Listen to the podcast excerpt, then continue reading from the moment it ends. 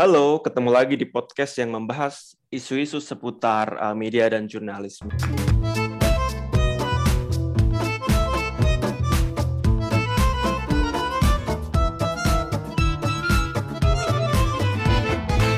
Nah, masih dalam prediksi uh, media dan jurnalisme di tahun uh, 2022. Kalau teman-teman yang baru mendengarkan uh, podcast ini, jadi untuk uh, akhir tahun 2021 dan awal tahun uh, 2022, saya mewawancarai uh, beberapa orang yang berlatar belakang uh, jurnalis, akademisi, uh, aktivis, dan juga uh, peneliti. Dan kepada mereka saya bertanya tentang uh, isu atau tren apa yang kira-kira uh, akan berkembang di tahun 2022 ya terkait dengan uh, jurnalisme, isu media atau komunikasi secara uh, umum kayak gitu. Dan ini sebenarnya terinspirasi dari uh, apa yang dilakukan oleh uh, Newman Lab ya di Amerika. Jadi uh, setiap tahun dia uh, apa me, bukan mewawancara ya, tapi dia bertanya ke uh, puluhan jurnalis, akademisi, uh, aktivis kayak gitu. Nah, uh, untuk uh, episode kali ini saya sudah bersama Mas Damar Juniarto. Mas Damar adalah uh, Direktur Eksekutif di SafeNet, uh, Southeast Asia Freedom of Expression Network. Jadi nanti Mas Damar bisa cerita banyak tentang kondisi demokrasi digital di Indonesia saat ini seperti apa dan kira-kira bagaimana tren di tahun 2002 tahun 2022 uh, ke depan kayak gitu. Kita sapa dulu Mas Damar. Halo Mas Damar, apa kabar Mas? Halo, selamat pagi. Kabar baik, terima kasih. Mantap, Mas Damar. Oke, okay. um, mungkin langsung saja ya, uh, Mas Damar gitu untuk untuk membuka obrolan hmm. uh, kita gitu ya sebagai pengantar gitu. Kalau kita lihat kan perkembangan demokrasi hmm. digital di Indonesia ini menunjukkan tanda-tanda yang uh, mengkhawatirkan gitu ya. Beberapa pakar menyebut bahwa ya demokrasi di Indonesia itu berada di tahap regresi setelah sebelumnya stagnasi gitu. Nah, salah satu yang menjadi penyebab regresi ini tentu semakin banyaknya serangan atau represi digital uh, terhadap kelompok masyarakat sipil ya. Data dari uh, SafeNet itu organisasinya Mas Damar pada tahun 2020 juga menunjukkan adanya serangan digital uh, sejumlah 147 insiden dan atau rata-rata uh, 12 kali per bulan gitu. Nah, hari ini kita uh, akan uh, bertanya ke uh, Mas Damar gitu kira-kira tren ke depan akan uh, seperti apa gitu. Nah, yang pertama Mas, uh, mengingat banyaknya serangan digital uh, terhadap kelompok masyarakat sipil uh, selama dua tahun belakangan ya. Uh, bagaimana sebenarnya Mas Damar menilai atau melihat kondisi uh, kebebasan berekspresi khususnya di dunia digital di Indonesia saat ini, Mas Damar? Iya, Wisnu. Uh, saya sebetulnya tertarik untuk um, membedakan lebih dulu antara represi dan serangan digital ya. Mm-hmm. Karena serangan digital itu hanya satu bagian dari apa yang kami sebut dengan represi digital.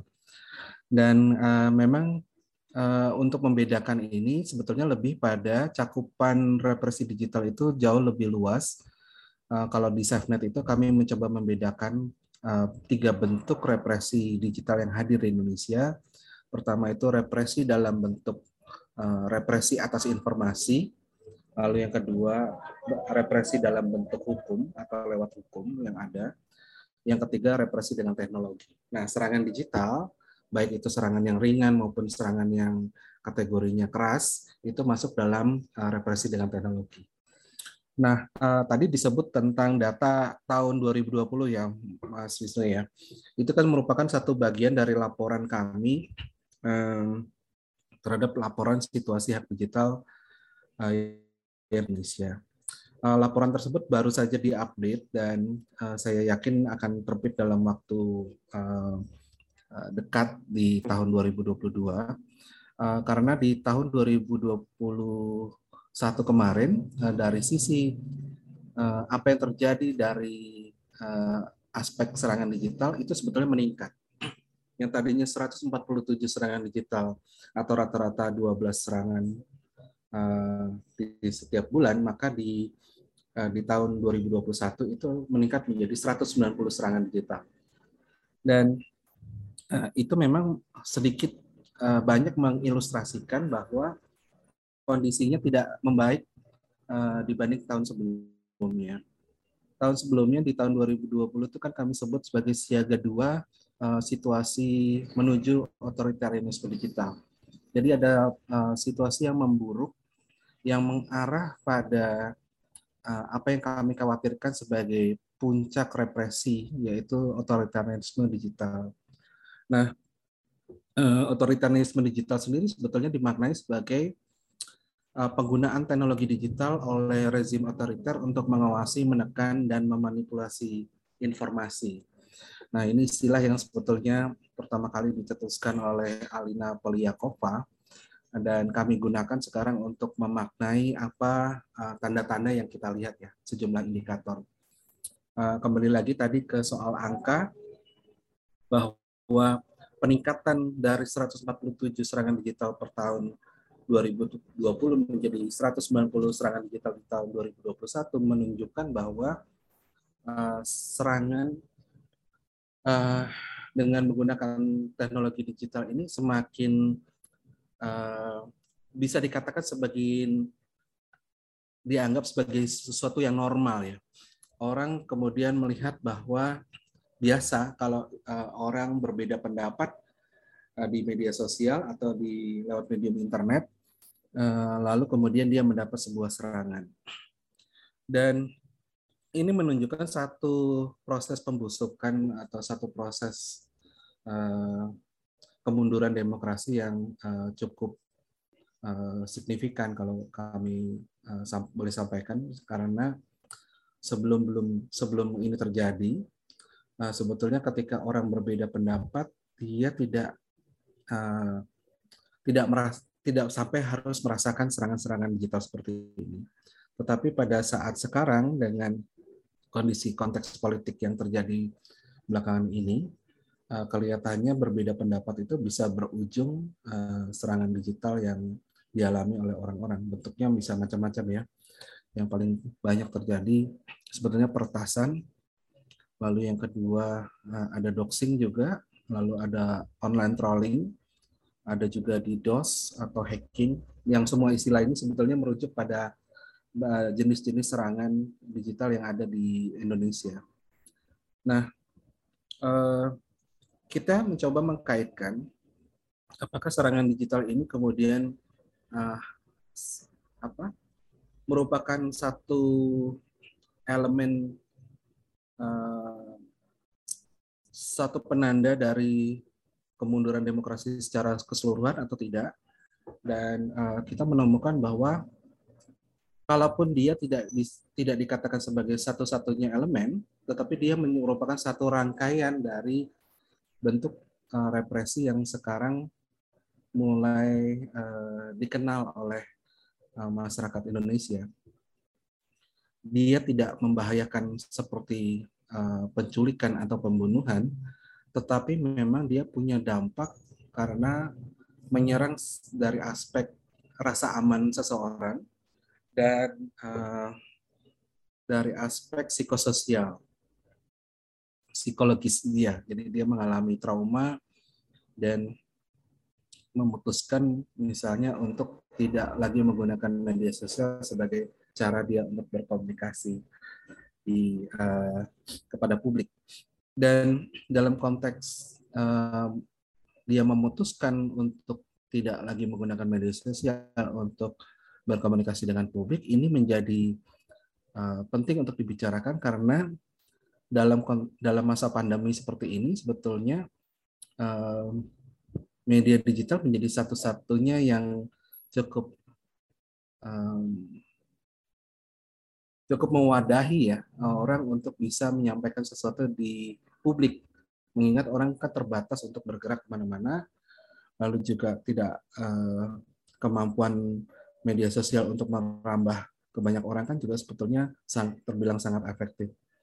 Jadi dengan memutus hubungan dengan uh, media sosial atau memutus hubungan dengan internet hanya karena dia merasa uh, hidupnya terancam atau mendapat ancaman dan tidak aman uh, di internet itu menjadi sebuah salah satu penanda paling tidak buat kami bahwa ada ada bagian atau keterlibatan dari ketingginya serangan digital ini pada kemunduran demokrasi. Uh, tadi saya katakan bahwa ini bukan satu-satunya uh, kalau kita bicara soal kemunduran demokrasi di Indonesia, apalagi kemudian dikaitkan dengan kebebasan berekspresi, karena kita tetap harus melihat aspek-aspek yang lain. Misalnya, bagaimana dengan represi yang muncul dalam bentuk uh, hukum, ketika seseorang sekarang menggunakan media sosial, tapi dia harus berhadapan dengan resiko uh, apa dikatakan melanggar aturan hukum yang ada baik itu yang diakomodir dalam Undang-Undang ITE atau dalam KUHP. Atau uh, orang ketika sekarang menggunakan pendapatnya di media sosial, tapi dia harus berhadapan dengan aparat penegak hukum yang belum lama ini menerapkan kebijakan polisi siber atau polisi virtual. Uh, saya rasa itu juga perlu dipikirkan dalam dalam dalam hal uh, bicara tentang uh, apa yang ikut menyumbang dalam kemunduran demokrasi. Lalu yang ikut juga perlu diperhatikan adalah bagaimana dengan um, kemunduran demokrasi yang ditunjukkan dengan bentuk-bentuk represi atas informasi yang selama ini uh, kita sebetulnya sudah lama mengenal dalam bentuk sensor online. Uh, kita melihat ada pembatasan-pembatasan untuk website-website tertentu yang tidak bisa diakses lagi oleh publik hanya karena dianggap bahwa uh, isi dari website tersebut tidak selaras dengan narasi tunggal yang disampaikan oleh pemerintah atau ap aparatnya. Atau yang kedua, bentuknya bukan lagi sensor online, tapi disinformasi, yaitu upaya untuk membelokkan sebuah fakta uh, atau upaya untuk menyebarkan informasi yang tidak berbasis pada uh, kebenaran dan itu uh, disebarkan lewat di ranah digital. Atau misalnya yang juga tampak kentara sekali dan ikut menyumbangkan juga kemunduran demokrasi adalah manipulasi opini yang terjadi lewat perangkat digital ya. Jadi informasi-informasi yang ada di publik itu ternyata dipelintir uh, karena ada upaya manipulasi opini lewat pengerahan influencer yang berbayar atau paid influencer atau misalnya ada upaya untuk membentuk gelembung trending topik tetapi itu tidak berdasar pada sesuatu yang sifatnya organik tapi menggunakan bantuan teknologi. Bantuan teknologi yang dimaksudkan seperti uh, bentuk-bentuk propaganda komputasional yang memang selama ini uh, memang dimungkinkan uh, ada pengerahan cyber army atau cyber troops yang kemudian melakukan propaganda dan propaganda itu ditujukan pada satu lapisan masyarakat tertentu yang ada di Indonesia. Jadi tiga tiga hal tadi sebetulnya um, ikut membentuk atau ikut menyumbangkan kemunduran demokrasi sebagaimana uh, sudah banyak juga dikutip oleh para sarjana atau intelektual terjadi di Indonesia. Uh, dari stagnasi menuju regresi dan uh, banyak uh, kami menemukan laporan kami sendiri sebetulnya cukup sejalan dengan pandangan Thomas Power gitu yang misalnya mengatakan bahwa ini terjadi di tiga lapisan dan uh, yang pertama lewat hukum, yang kedua lewat uh, kebijakan dan yang ketiga lewat uh, apa uh, penyempitan uh, ruang gerak masyarakat sipil. Nah, uh, itu uh, pandangan pandangan saya sementara ini untuk bisa memotret bagaimana arah ke depan di Indonesia. Hmm, hmm. Menarik Mas Damar. Kalau the, tadi uh, data SafeNet artinya dari tahun 2020 ke 2021 juga meningkat ya. Tadi kalau tidak salah mencatat di 2021 sekitar 190 serangan digital ya Mas. Ya. Nah sebenarnya Siapa sih Mas yang yang jadi sasaran di sana Mas dari uh, data yang diperoleh SafeNet gitu? Apakah jurnalis atau aktivis atau siapa Mas? Ya, uh, di data yang terbaru uh, terhadap 190 serangan digital ini sangat uh, khas ya kalau boleh saya katakan karena berbeda dengan data sebelumnya. Data di tahun 2021 menunjukkan sebagian besar uh, dari semua serangan digital itu justru dialami oleh kelompok yang kami sebut dengan kelompok uh, berisiko, yaitu mereka yang dalam posisi sebagai pembela HAM, aktivis, jurnalis, dan juga akademisi. Nah, uh, ini kami katakan khas karena uh, agak berbeda dengan di tahun sebelumnya, di mana uh, korban atau orang yang mendapat serangan digital itu bisa saja uh, salah satunya website pemerintah. Uh, itu yang pernah terjadi di tahun 2020. Tapi di tahun 2021 ini, ini sebagian besar memang justru mengerucut pada uh, satu uh, satu bagian dari kelompok rentan tersebut, khususnya mereka yang bergerak di sektor anti uh, korupsi. Jadi aktivis-aktivis anti korupsi termasuk juga orang yang uh, lembaga dan juga uh, orang yang bergerak sebagai bagian dari penyidik KPK itu menjadi pihak yang mengalami serangan digital. Dan kalau lihat uh, bagaimana uh, angka serangannya, sebetulnya ini juga menunjukkan kekasan yang lain. Semisal di uh, kalau tadi ada penyebutan bahwa rata-rata dari serat apa setiap bulan itu kita mengalami angka uh, serangan itu sekitar 12 serangan per tahun kan eh, per bulan kan ya. Tapi di tahun 2021 eh, ada satu bulan di mana angka serangan itu melompat tiga kali lipat. Jadi sampai 30 uh, 30 36 serangan dalam satu bulan. Dan itu menunjukkan bahwa intensitas Eh, serangan ini begitu terbuka ya. Artinya dia uh, dilakukan secara uh, belak-belakan dan tidak ada kekhawatiran bahwa serangan seperti ini itu kemudian bisa berujung pada penangkapan mereka yang melakukan serangan. Uh, dan kalau kita lihat seperti itu, uh, maka ada uh, bulan September 2021 itu menjadi satu uh, bulan yang menunjukkan uh, tingginya serangan uh, meskipun kita temukan juga uh, bulan beberapa bulan sebelumnya bulan Mei dan Juni uh, tapi baik Mei, Juni maupun September itu semua terangkai dalam Eh, satu serangan yang terpola atau tertuju pada aktivis anti korupsi. Dan ketika saya menyebutkan tadi bulan Mei, Juni, dan September, itu sebetulnya kalau kita cocokkan dengan agenda eh, peristiwa yang terjadi, khususnya peristiwa politik yang terjadi di Indonesia, maka dia sepadan dengan uh, maraknya uh, pro kontra di masyarakat seputar uh, tes wawasan kebangsaan yang harus dilalui oleh para pegawai KPK. Jadi uh, menarik sekali Mas Wisnu ya kalau kita coba uh, perhatikan uh, kekasan dari serangan-serangan digital ini memang dari kurun waktu tahun sebelum-sebelumnya kami menemukan satu pola bahwa memang dia selalu bertalian dengan situasi yang terjadi di konteks nasional khususnya politik yang uh, seputar kebijakan atau kebijakan seputar istana. Dan kita terus melihat itu di masa sekarang artinya di tahun berikutnya tetapi target yang diserang menjadi berbeda. Kalau sebelumnya target yang diserang adalah mereka yang membela kebijakan eh sorry mereka yang menentang kebijakan tentang uh, revisi KPK dan juga omnibus law maka di tahun 2021 adalah mereka yang menentang kebijakan seputar tes wawasan kebangsaan yang harus diikuti oleh pegawai KPK.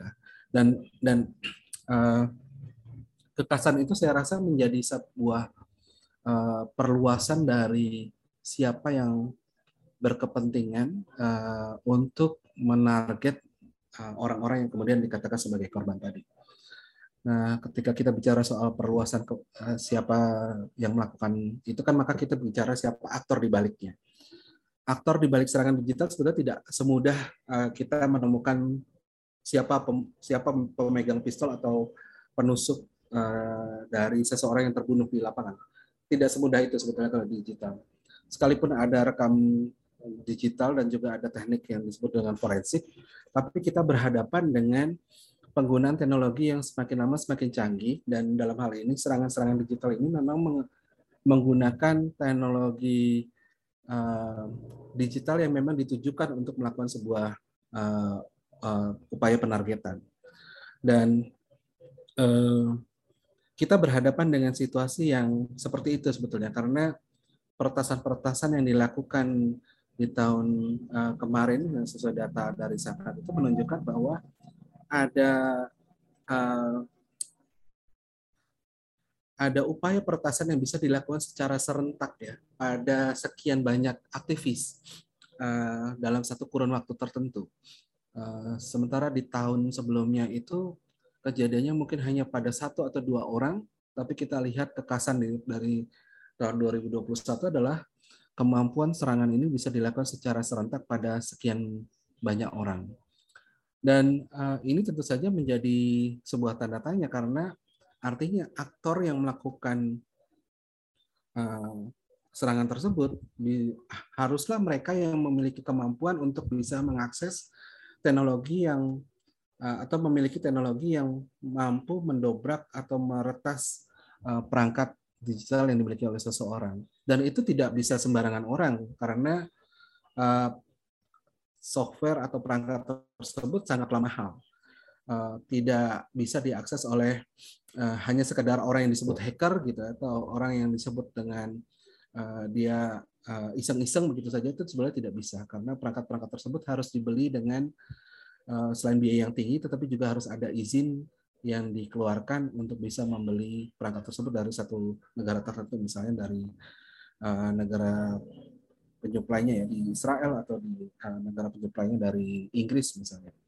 Dan uh, itu uh, menandakan bahwa uh, mereka yang kemudian sekarang dibalik serangan digital ini tidak bisa lagi uh, dipandang sebagai kelompok yang uh, amatur atau uh, uh, kelompok yang amatiran uh, uh, atau mereka yang cuma sekedar iseng-iseng gitu ya ingin um, apa membuat perhitungan atau balas dendam pada seseorang yang mereka tidak suka atau kelompok yang mereka tidak suka. Tapi kita perlu memperhitungkan bahwa di balik semua ini ada satu atau dua kelompok yang memang dibiayai secara khusus dan uh, mereka bergerak secara uh, uh, spesifik targetnya dan uh, dalam kurun waktu tertentu untuk menggemboskan atau juga untuk menghancurkan apa yang sedang diupayakan oleh mereka yang sedang menjadi korban. Nah itu salah satu yang uh, kalau boleh saya sharing apa yang terjadi belakangan ini di di di Indonesia dan itu menurut saya sebetulnya merupakan sebuah catatan yang menunjukkan bahwa ini memang kondisinya semakin memburuk. Hmm, Oke, okay.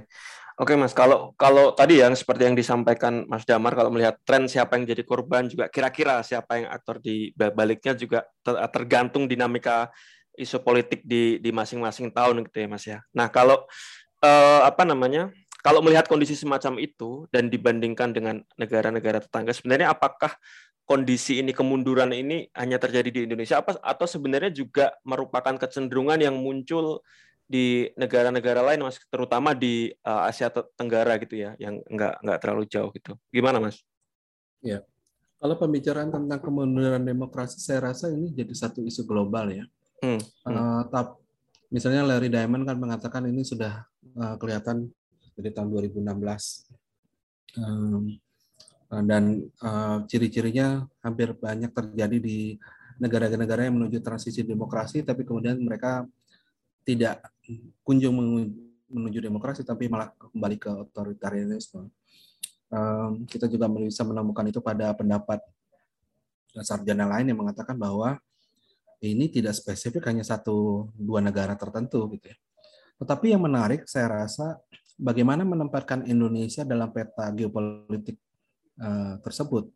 Karena Indonesia sudah lama dianggap sebagai salah satu negara yang cukup hebat untuk bisa uh, berdiri uh, paling depan dari situasi yang tadinya sangat otoritarian di zaman Orde Baru kemudian menjadi sangat reformis uh, dan menjanjikan ya artinya menjadi negara yang mempraktikkan politik pemilu secara terbuka lalu pemilu secara langsung lalu kita punya uh, banyak uh, lembaga yang tadinya kita tidak pernah uh, miliki seperti lembaga yang ber, apa fokus khusus pada korupsi, isu korupsi seperti KPK, lalu ada pada lembaga-lembaga yang bergiat dalam konteks hak asasi manusia seperti Komnas HAM dan Komnas Perempuan.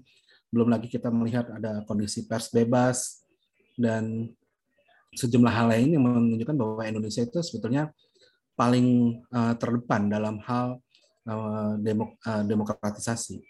Tetapi uh, dalam konteks kemunduran demokrasi ini, justru uh, saat ini ketika kita bicara bahwa itu terjadi secara global, Indonesia menjadi negara yang begitu cepat juga, yang tadinya cukup demokratis, sekarang begitu cepat juga dia terpuruk.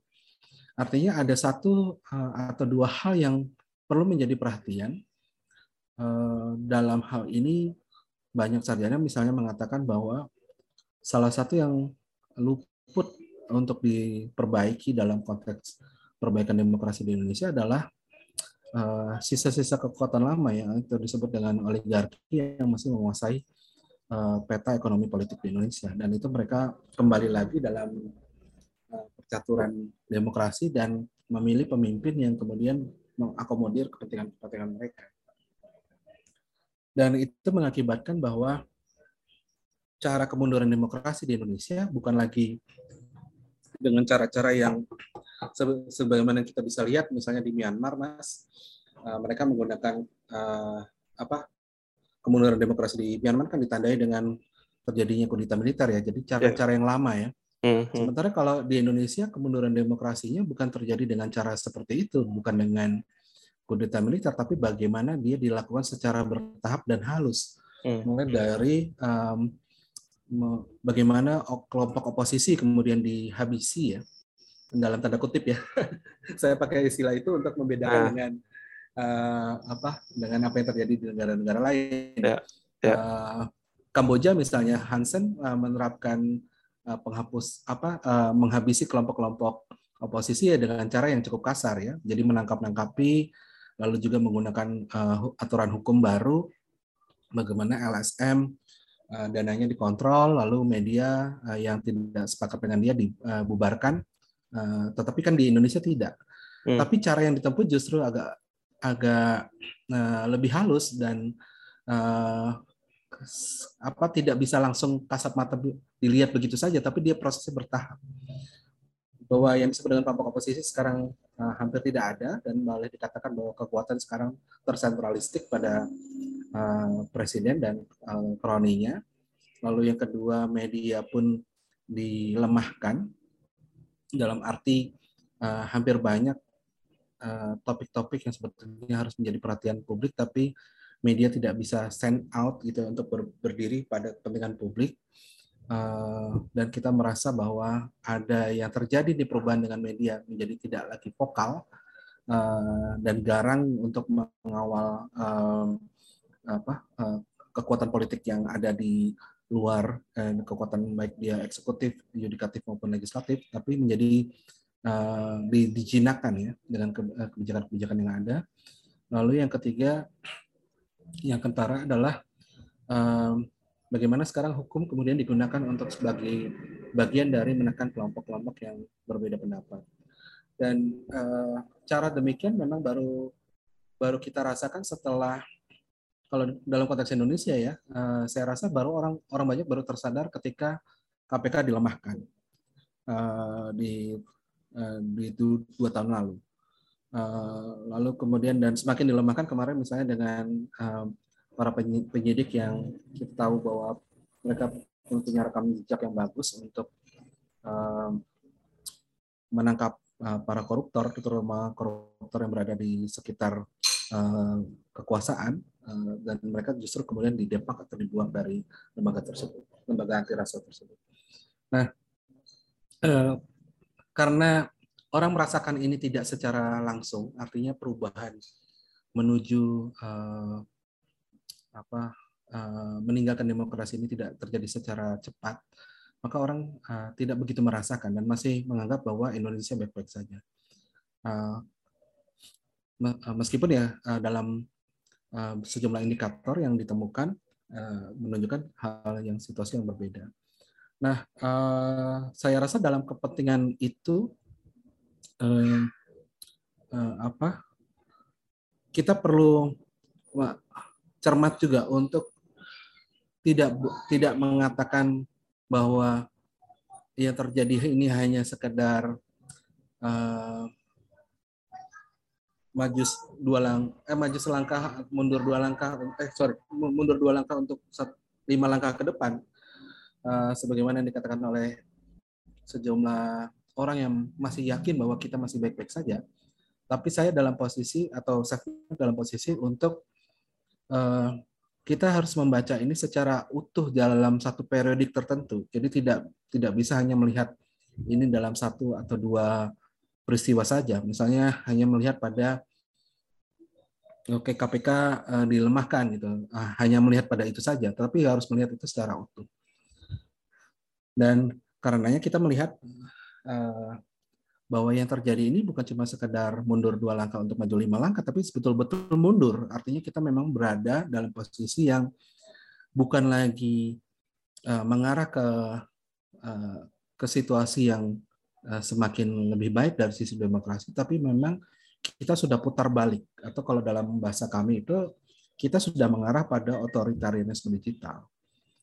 Uh, dan ini perlu perlu betul-betul uh, disadari oleh segenap pihak uh, untuk kemudian sama-sama menyusun langkah bagaimana caranya kita mencegah uh, trajektori yang semakin jelas menuju otoritarisme digital tersebut. Karena kalau di tahun 2019 kita sudah mengatakan ini tahun kebangkitan otoritarisme digital, lalu tahun berikutnya kami mengatakan ini sudah siaga dua, yang kami khawatirkan kan sebetulnya itu semakin memburuk ya. Jadi uh, semakin semakin dekat gitu atau semakin semakin lama semakin mendekati bentuk-bentuk otoritarisme digital memang sudah terbentuk di di uh, di, di sejumlah negara kunci misalnya uh, kita sebut uh, Rusia satu lagi China. Dan dalam konteks kawasan kalau tadi Mas Wisnu menanyakan gimana dengan konteks kawasan kemunduran demokrasi ini seperti apa arahnya? Dalam konteks kawasan sebetulnya sejumlah negara sudah mulai menuju ke sana, menuju ke otoritarisme digital. Myanmar sekarang sudah sangat otoritarisme digital, disusul oleh Kamboja dan kemudian dilanjutkan oleh Vietnam. Nah, kita akan tentu tidak ingin Indonesia kemudian ikut serta dalam gerbong tersebut.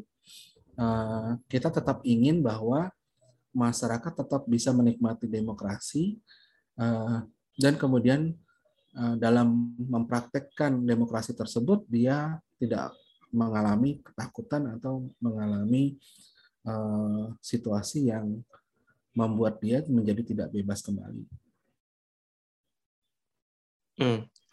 Oke mas, tadi uh, artinya berarti ini begini ya, meskipun kemunduran demokrasi itu gejala global, tapi seperti yang disampaikan Mas Damar tadi, karakter di Indonesia sedikit berbeda gitu ya, lebih halus misalnya dibandingkan dengan uh, yang di Myanmar atau di Kamboja misalnya seperti yang disampaikan Mas Damar. Nah kalau kita melihat berangkat dari kondisi tersebut, Mas, uh, Mas Damar melihat di tahun uh, 2022 atau atau ke depan gitu, menurut menurut Mas Damar, apakah kondisi tersebut akan membaik atau sebenarnya kalau tren yang yang dibaca gitu bisa memburuk, Mas, atau justru malah kita perlu melihat kecenderungan dalam satu periode tertentu dulu seperti yang tadi Mas Damar sampaikan.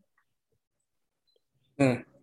Uh, satu hal yang juga saya rasa bisa menjawab ini adalah ada satu aspek yang tidak dilihat ya ketika kita bicara soal kemunduran adalah siapa yang kemudian uh, pushback atau mereka yang berupaya mempertahankan. Uh, kenapa di negara-negara di kawasan itu mereka bisa begitu cepat putar balik menuju otoritarisme digital? Salah satunya adalah kekuatan masyarakat sipilnya sudah lebih dulu dihancurkan atau sudah lama tidak ada. Dan dalam konteks Indonesia berbeda sekali karena masyarakat sipilnya masih ada. Uh, masih ada tuh dalam arti kita juga bisa melihat masih ada sejumlah besar organisasi masyarakat yang uh, mau berdiri membela mereka yang mengalami serangan ya atau mengalami represi digital. Uh, dan dalam hal ini melegakan, artinya kita tahu bahwa kita mungkin masih punya cukup banyak orang yang concern atau uh, kelompok masyarakat yang peduli pada isu ini dan mencoba untuk menahan agar Indonesia tidak benar-benar jatuh ke dalam otoritarisme digital. Uh, dan uh, jumlahnya dan jumlah aktor maupun wilayah cakupannya memang masih cukup banyak. Artinya belum betul-betul ditaklukkan sebagaimana yang terjadi di banyak negara lain di kawasan. Nah, hanya saja tantangannya bahwa kelompok ini belum kelompok yang kuat gitu. Uh, jadi kelompok-kelompok ini masih ada bekerja secara sektoral, tapi belum punya jejaring yang cukup kuat untuk bisa membendung uh, arus uh, regresi demokrasi yang menuju otoritarisme digital. Uh, yang saya maksud adalah kelompok-kelompok ini bicara secara vokal, eh, nyaring juga, tetapi juga sangat mudah juga ditekuk ya. Eh, karena kalau lembaga yang kuat seperti KPK saja bisa dengan mudah ditelikung gitu ya, kemudian di, dilemahkan, apalagi dengan kelompok-kelompok yang jumlahnya secara sumber daya lebih orangnya lebih sedikit, lalu biaya juga lebih kecil daripada KPK, uh, tentu saja mereka harus berhadapan dengan uh, ancam uh, uh, otomatis mereka berhadapan dengan ancaman yang lebih besar.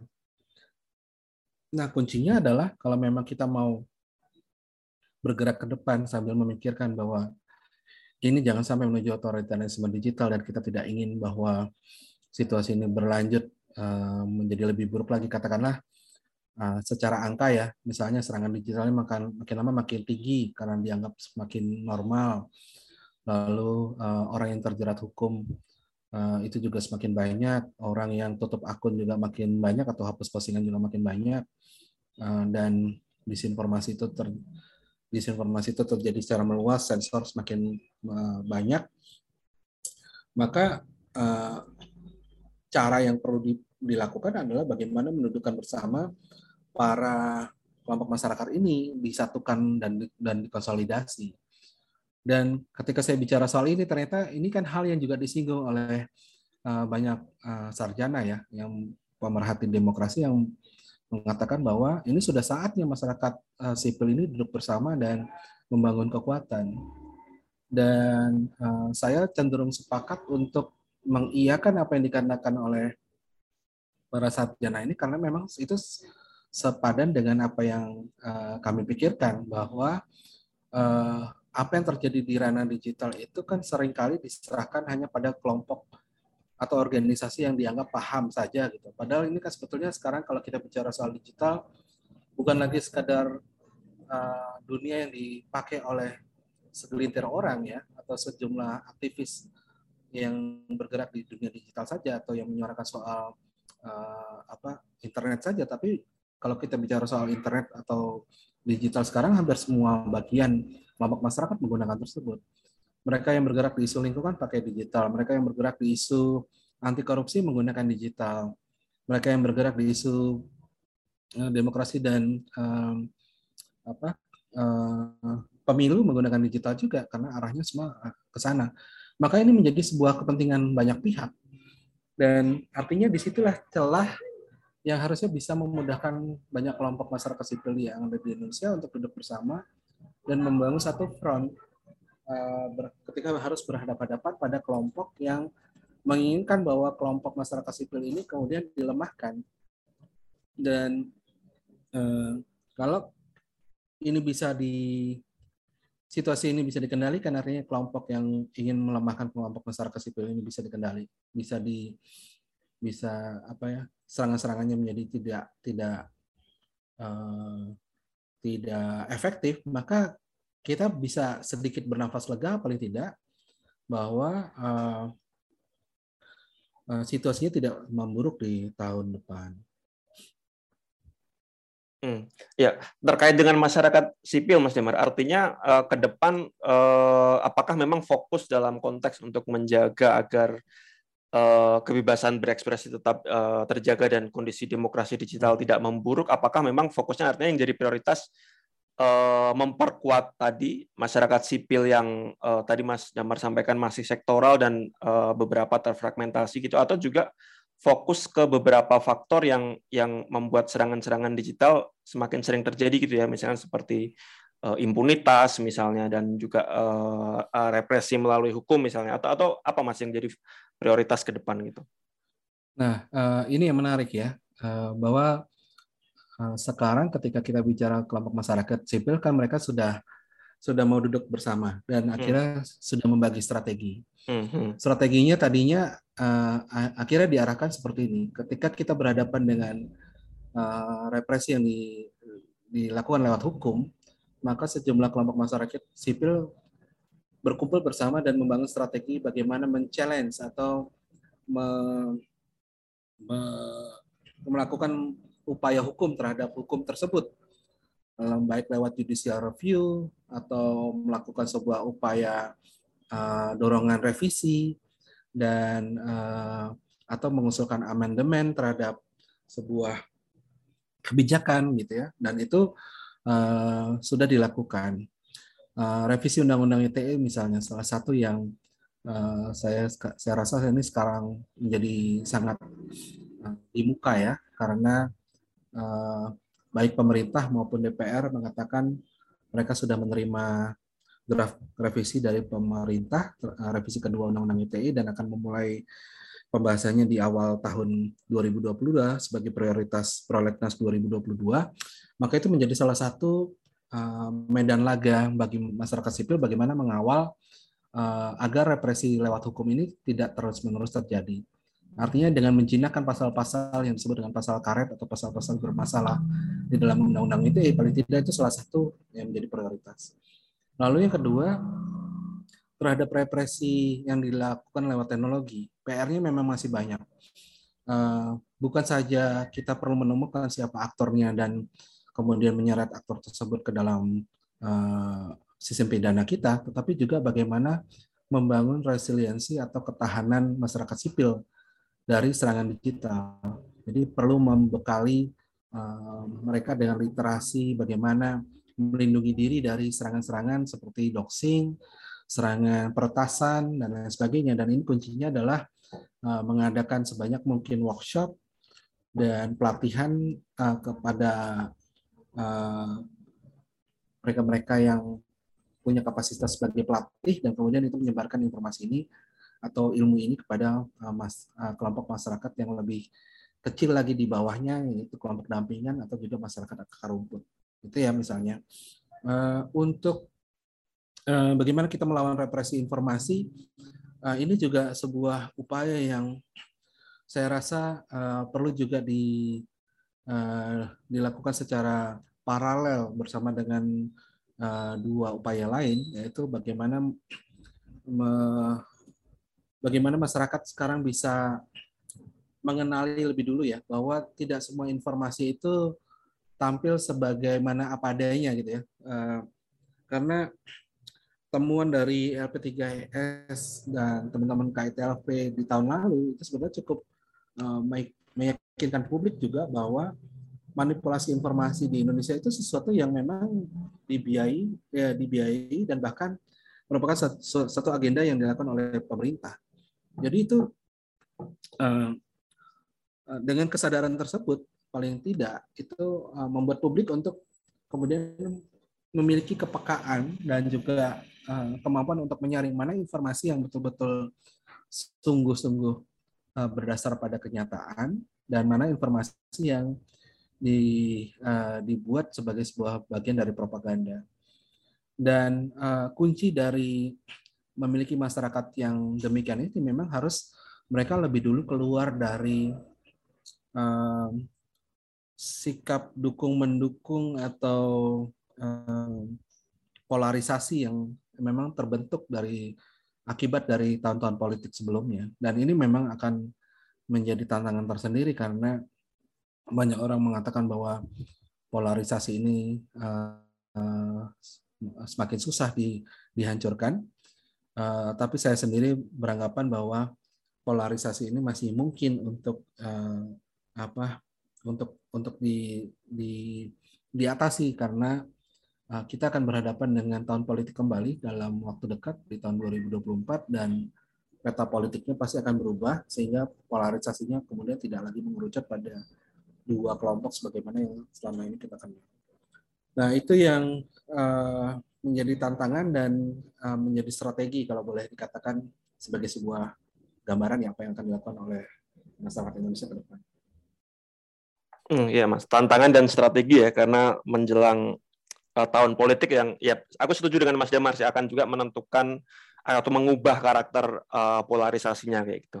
Nah, uh, pertanyaan yang terakhir uh, Mas Damar, ini sebenarnya lebih uh, bersifat umum gitu ya uh, dalam konteks demokrasi digital secara umum.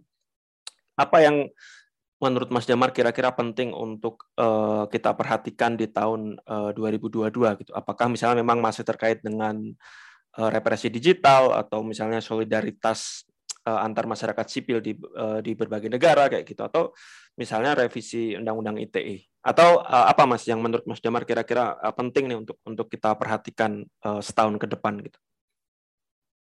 Uh, saya melihat ada dua hal yang penting untuk diperhatikan. Pertama bahwa masyarakat masyarakat kita terutama masyarakat digital kita itu sedang dikondisikan untuk menghadapi tahun politik berikutnya. Jadi meskipun kita masih dua tahun sebelum tahun 2024, tapi paling tidak saya sudah lihat ada pengkondisian di ranah digital yang mencoba untuk mencoba membuat uh, upaya uh, peta politik baru ya atau peta dukungan baru ya. Dan ini sebetulnya uh, bisa dikatakan sebagai tantangan tapi bisa juga dikatakan sebagai peluang. Uh, dikatakan sebagai tantangan adalah kalau kita tidak berubah dari polarisasi yang sebelumnya dan hanya mengentalkan polarisasi yang terjadi sebelum yang sudah terjadi maka itu menjadi sebuah tantangan. Yang saya maksud adalah polarisasi eh, yang terjadi di sebelumnya itu kan menjadi bukan lagi sekedar siapa yang saya dukung, tetapi menjadi sebuah fanatisme buta ya terhadap um, satu individu ya atau uh, orang dulu orang orang dulu mengatakan ini dengan pengkultusan individu. Nah, uh, ini akan menjadi sebuah tantangan kalau kita uh, tidak keluar dari pengkultusan individu tersebut. Uh, tapi ini akan menjadi peluang kalau kita bisa memunculkan uh, karakter pemimpin uh, baru yang uh, lebih menjanjikan dalam arti mereka lebih punya komitmen pada demokrasi dan hak asasi manusia dan itu menjadi sebuah kesempatan kita untuk uh, apa uh, punya satu uh, ruang diskursif tentang siapa yang akan memimpin uh, Indonesia dan uh, bagaimana kita menata ulang soal demokrasi di Indonesia. Dan uh, karena ini mulai terjadi di tahun ini, maka uh, saya sebenarnya berharap banyak pihak, bukan hanya masyarakat sipil, tapi juga uh, uh, apa media terutama bisa menggunakan kesempatan ini untuk memberi ruang yang cukup untuk tampilnya orang orang-orang yang uh, punya komitmen pada demokrasi dan HAM untuk menjadi pemimpin.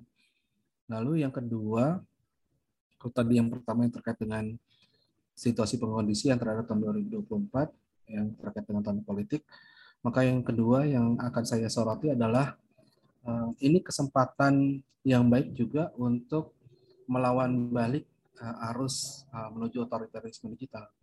Karena tahun ini sudah diawali dengan revisi Undang-Undang ITE, salah satu